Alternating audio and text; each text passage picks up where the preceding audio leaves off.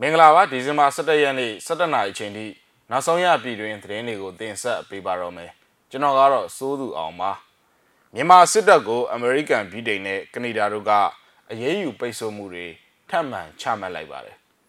တန်လွင်မြစ်ပေါ်ထိုင်းနိုင်ငံသားပိုင်းကုန်တင်လှေတစ်စီးပြစ်ခတ်ခံရပြီးတဲ့နောက်လှေသမားတချို့ခီးမထွက်ရဲပဲဖြစ်နေတယ်လို့ဆိုပါတယ်မြို့လ PDF အဖွဲ့နဲ့စစ်ကောင်စီတို့တိုက်ပွဲဖြစ်ပွားရာ စစ်ကောင်စီဘက်က14ရောက်ထပ်မံတေဆုံးခဲ့တယ်လို့သတင်းထုတ်ပြန်ပါတယ်။နိုင်ငံတကာသတင်းတွေဘက်မှာတော့ယူကရိန်းအရှေ့ပိုင်းပရိပခါကလူမျိုးတုံးတက်မှုပုံစံပေါက်နေတယ်လို့ပူတင်ကပြောလိုက်ပါတယ်။ဒီအကြောင်းတွေပါဝင်တဲ့နောက်ဆုံးရပြည်တွင်းနဲ့နိုင်ငံတကာသတင်းတွေကိုတင်ဆက်ပေးပါတော့မယ်။အရက်အသားတွေပေါ်ကိုဖိနှိပ်မှုနဲ့ကြီးလေးတဲ့လူအခွင့်အရေးချိုးဖောက်မှုတွေကြောင့်မြန်မာအာဏာသိမ်းစစ်တပ်နဲ့ဆက်ဆက်နေတဲ့ အဖွဲ့အစည်းတွေအပေါ်အမေရိကန်ပြည်ထောင်နဲ့ကနေဒါတို့ကအရေးယူတန်ခတ်ပိတ်ဆို့မှုတွေထပ်မံချမှတ်လိုက်ပါတယ်။ဒီဇင်ဘာ10ရက်နိုင်ငံတကာလူအခွင့်အရေးနေ့မှာချမှတ်လိုက်တဲ့အဲ့ဒီတန်ခတ်ပိတ်ဆို့မှုတွေမှာမြန်မာနိုင်ငံစစ်ထောက်ချုပ်ရုံးစစ်လက်နက်ပစ္စည်းတွေထုတ်လုပ်တဲ့ကာကွယ်ရေးပစ္စည်းစက်ရုံနိုင်ငံခြားကနေစစ်လက်နက်ပစ္စည်းတွေဝယ်ယူတဲ့ကာကွယ်ရေးပစ္စည်းထောက်ပို့ရေးဌာနနဲ့မြန်မာစစ်မှုထမ်းဟောင်းအဖွဲ့အစည်းတွေပါဝင်ပါတယ်။ဒါအပြင်မှာ2021ခုနှစ် ဧပြီလအစောပိုင်းဆန္ဒပြပွဲတွေမှာပဲခူးမြို့ကပြည်သူအများအပြားကိုလုံခြုံရေးတပ်ဖွဲ့ဝင်တွေဘက်ကပြစ်တက်ခဲ့မှုမှာတာဝန်ရှိတဲ့စစ်ကောင်စီကပဲခူးတိုင်းဝန်ကြီးချုပ်ဦးမျိုးဆွေဝင်းအပါအဝင်ကယားပြည်နယ်ဝန်ကြီးချုပ်ဦးစောမြင့်ဦးမန္တလေးတိုင်းဒေသကြီးဝန်ကြီးချုပ်ဦးမောင်ကိုနဲ့ကချင်ပြည်နယ်ဝန်ကြီးချုပ်ဦးခတ်ထိန်နန်တို့ကိုလည်းအမေရိကန်ဘက်ကဒဏ်ခတ်ပိတ်ဆို့မှုတွေချမှတ်လိုက်တာပါအရေးယူပိတ်ဆို့မှုတွေချမှတ်ထားတဲ့ လူပုဂ္ဂိုလ်တဦးချင်းစီရောဌာနဆိုင်ရာအဖွဲ့အစည်းတွေရဲ့ပိုင်ဆိုင်မှုအလုံးကိုသက်ဆိုင်ရာနိုင်ငံတွေကထိန်းချုပ်ထားမှာဖြစ်ပြီးခရီးသွားလာခွင့်တွေကိုလည်းပိတ်ပင်သွားမယ်လို့ဆိုပါတယ်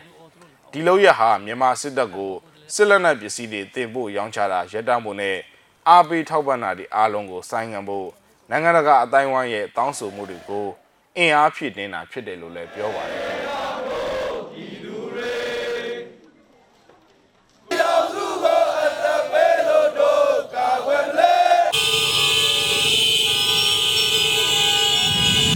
ဆက်လက်ပြီးတော့ရွှေကူမြို့နယ်တာယာကုန်းရွာလှုပ်ချောင်းချောင်းကူတရာအနာကမြို့လာ PDF နဲ့စစ်ကောင်စီတပ်တို့တိုက်ပွဲဖြစ်ပွားရာစစ်ကောင်စီဘက်က15ရောက်ထပ်မံတေဆုံးနိုင်ကြောင်းမြို့လာ PDF ကထုတ်ပြန်ထားပါတယ်။ဖြစ်စဉ်ကတော့ဒီဇင်ဘာ9ရက်ညရွှေကူမြို့နယ်မင်းချောင်းကုန်းရွာအထက်ဂျိုအင်းမှာဝင်ရောက်နေထိုင်တဲ့စစ်ကောင်စီတပ်ဟာဒီဇင်ဘာ10ရက်နေ့မနက်ဖက်အုတ်ချီဘတ်ရွာကနေတဆင့် တာယာကုန်းရွာဘက်ကိုဆက်လက်ထွက်ခွာလာရာလှုပ်ချောင်းချောင်းကူတရာနာအရောက်မှာမိုင်းဆွဲတက်ခိုက်ခဲ့တာဖြစ်တယ်လို့နီးစပ်သူတယောက်ကပြောပါတယ်။တိုက်ပွဲဖြစ်တာက15မိနစ်လောက်ပါပဲ။သူတို့ဘက်ကလက်နက်ကြီးတွေနဲ့၄၅ချက်လောက်ပြန်ပစ်တယ်။ဒါပေမဲ့ဒီဘက်ကအထိခိုက်မရှိပါဘူးလို့သူက KNG ကိုပြောပါတယ်။မိုင်းဆွဲတက်ခိုက်ခံရတဲ့အတွက်စစ်ကောင်စီတပ်ရဲ့အင်အား88ရောက်လောက်ပါတဲ့ခြေလင်းစစ်ကြောင်းတပ်ဖွဲ့တပ်မ88လောက်ခန့် ခလာရတရင်416က15ရောက်ထပ်မင်းကြာဆုံးကအမြောက်အများဒဏ်ရာရရှိနိုင်ကြောင်းသိရပါတယ်ခင်ဗျတန်လွင်မြစ်ပေါ်မှာသွာလာနေတဲ့ထိုင်းနိုင်ငံသားပိုင်းကုန်တင်လှေတစည်းပြစ်ခတ်ခံရပြီးတဲ့နောက်ထိုင်းနယ်စပ်တော်လဲထရွာက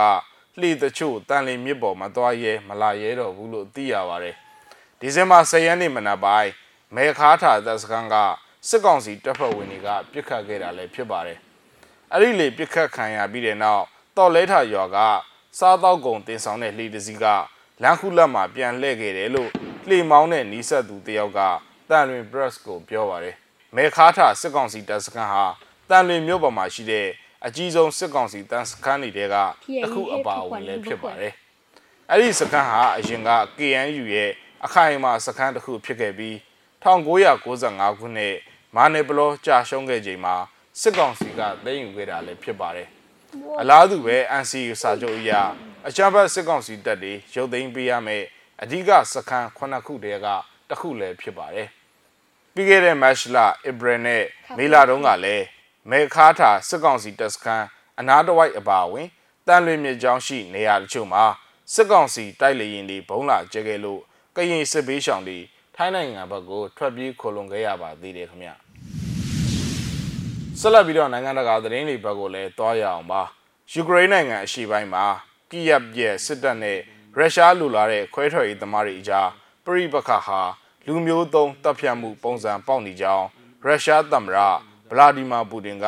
ဒီဇင်ဘာ9ရက်နေ့မှာပြောဆိုလိုက်ပါတယ်။ဒါဟာအနောက်အုပ်စုနဲ့တင်းမာမှုတွေမြင့်တက်နေချိန်ကာလမှာပူတင်ကအထက်ပါအတိုင်း နှိုင်းယှဉ်ပြောဆိုသွားတာပါ။အမေရိကန်သမ္မတဂျိုးဘိုင်ဒန်ကယူကရိန်းခေါင်းဆောင်ဗိုလိုဒီမီယာဒီလန်စကီအပြင်ရုရှားနဲ့နယ်စပ်ချင်းထိစပ်နေတဲ့တခြားနိုင်ငံတွေရဲ့ခေါင်းဆောင်တွေတွေ့ဆုံပြီးကရင်မလင်စီရေးကျူးကျော်နိုင်မှုနဲ့ပတ်သက်လို့ဆွေးနွေးပြောဆိုဖို့စီစဉ်ထားချိန်အခုလိုမျိုးပူတင်ရဲ့မှတ်ချက်စကားထွက်ပေါ်လာခဲ့တာပါ။သမ္မတလူအခွင့်အရေးကောင်စီအစည်းအဝေးတစ်ခုအတွင်းမေကွန်းတစ်ခုကိုဖြေကြားစဉ်ပူတင်ကအထက်ပါအတိုင်းပြောဆိုခဲ့တာပါ။ အဆိုပါအစည်းအဝေးအတွင်းရုရှားနေဆက်တွေရဲ့ပြင်ပရှိရုရှားဘာသာစကားပြောဆိုသူတွေအပေါ်ခွဲခြားဆက်ဆံမှုနဲ့ပတ်သက်လို့မေကွန်းမေးမြန်းမှုတွေကိုပူတင်ကပိုင်နိုင်စွာဖြေကြားခဲ့ပါတယ်။ရုရှားကြောက်စိတ်လွန်ခဲ့မှုကလူမျိုးသုံးတပ်မှုစီကိုဥတည်တဲ့ပထမဦးဆုံးခြေလှမ်းဖြစ်တယ်လို့ကျွန်တော်ပြောရပါလိမ့်မယ်လို့ရုရှားခေါင်းဆောင်ကပြောပါတယ်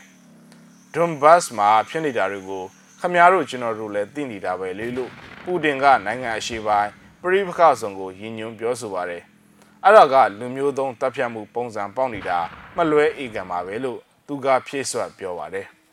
။ပူတင်ဟာအရင်ကာလတွေအတွင်း2015နဲ့2019အကြားအပါအဝင်ယူကရိန်းအရှေ့ပိုင်းစစ်ပွဲနဲ့ပတ်သက်လို့အလားတူနှိုင်းယှဉ်ပြောဆိုမှုတွေလှုပ်ဆောင်ထားခဲ့ပါတယ်။ယူကရိန်းမှာလူအများစုကတော့ယူကရိန်းဘာသာစကားရောရုရှားဘာသာစကားကိုရောပြောဆိုကြပေမဲ့တောင်ပိုင်းနဲ့အရှေ့ပိုင်းနဲ့ အလယ်ပိုင်းဧရိယာတချို့မှာရှိတဲ့ဒေသတွေမှာတော့အဓိကအားဖြင့်ရုရှားဘာသာစကားပြောဆိုကြပါတယ်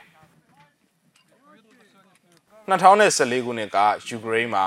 Popular လူထုအုံကြွမှုတစ်ခုကြောင့်မော်စကိုကိုထောက်ခံတဲ့အစိုးရတရက်ပြုတ်ကျခဲ့ပါတယ်။အဲဒီနောက်ပိုင်းမှာမော်စကိုကခရိုင်မီးယားဒေသကိုတိုက်ခိုက်သိမ်းယူခဲ့ပြီးတဲ့နောက်ယူကရိန်းစစ်တပ်ဟာနိုင်ငံအရှေ့ပိုင်းမှာ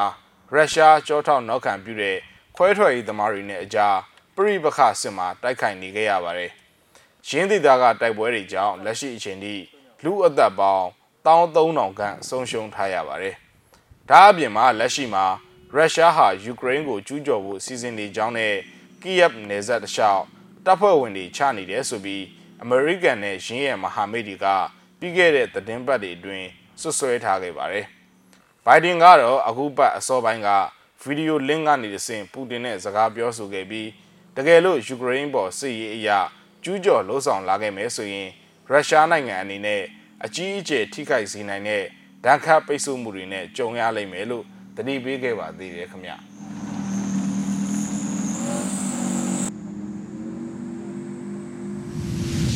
ဆက်လက်ပြီးတော့ဆန္ဒပြသတင်းတစ်ပုဒ်ကိုလည်းတင်ဆက်ချင်ပါတယ်။မန္တလေးမြို့တနေရာဒီဇင်ဘာ10ရက်ညပိုင်းအချိန်ကအကြမ်းဖက်စစ်ကောင်စီကို နေ့စဉ်စန့်ကျင်တပိတ်မောက်နေတဲ့အ တန်မသိပြည်ကြီးတကွန်ညတပိတ်ကိုပြုလုပ်ခဲ့ကြပါတယ်။အပြည့်အစုံကိုကြည့်အောင်ပါ